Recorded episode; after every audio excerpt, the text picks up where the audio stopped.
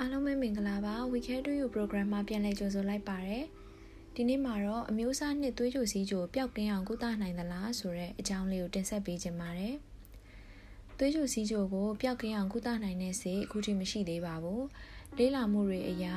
အမျိုးအစားနှစ်သွေးကြိုစီးကြိုမှာတော့ကိုယ်လေးချိန်ထိန်းခြင်းနဲ့စားသောက်မှုပုံစံပြုပြင်ပြောင်းလဲခြင်းတို့ဖြင့်တောက်ဆေးမလိုပဲနဲ့သွေးရင်းတကြားတဲ့ပုံမှန်ထိန်းပြီးတော့နေသွားနိုင်တဲ့လူတွေရှိပါတယ်။ဒါပေမဲ့အဲ့ဒါကစီးကျူလုံးဝပျောက်သွားပြီလို့မခေါ်နိုင်ပါဘူးအချိန်မရွေးအမျိုးအစားနှစ်သွေးကျူစီးကျူရဲ့လက္ခဏာတွေပြန်လည်ပေါ်ပေါက်လာနိုင်ခြေရှိပါတယ်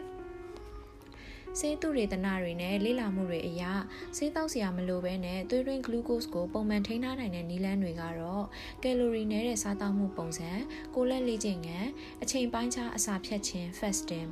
အဲ့ဒါတွေပဲဖြစ်ပါတယ်ဒီနီလန်းသုံးခုဟာသူရေတနာတွေမှာထိရောက်မှုရှိခဲ့တဲ့နီလန်းတွေပါဒါပေမဲ့လည်းတဦးနဲ့တဦးယောဂအခြေအနေမတူတာကြောင့်မိမိဆရာဝန်နဲ့တိုင်ပင်ပြီးတော့ဆရာဝန်ညွှန်ကြားချက်အတိုင်းသာလိုက်နာနေထိုင်သင့်ပါတယ် သွေးကြိုစီးကြိုအတွက်တခါတည်းပျောက်တဲ့ဆေးရည်လို့မရှိတာကိုတော့သိထားရပါမယ်။ဖြည့်ဆွက်ဆေးတွေဆရာဝန်ညွှန်ကြားချက်မလိုပဲအလွယ်တကူဝယ်လို့ရတဲ့ OTC ဆေးတွေလူနာချင်းချင်းအကြံပြုကြတဲ့ဆေးဝါးတွေဟာတခါတရံအန်ဒီယန်များတတ်တာကြောင့်ဆရာဝန်ညွှန်ကြားတဲ့ဆေးကိုသာတောက်သုံးသင့်ပါတယ်။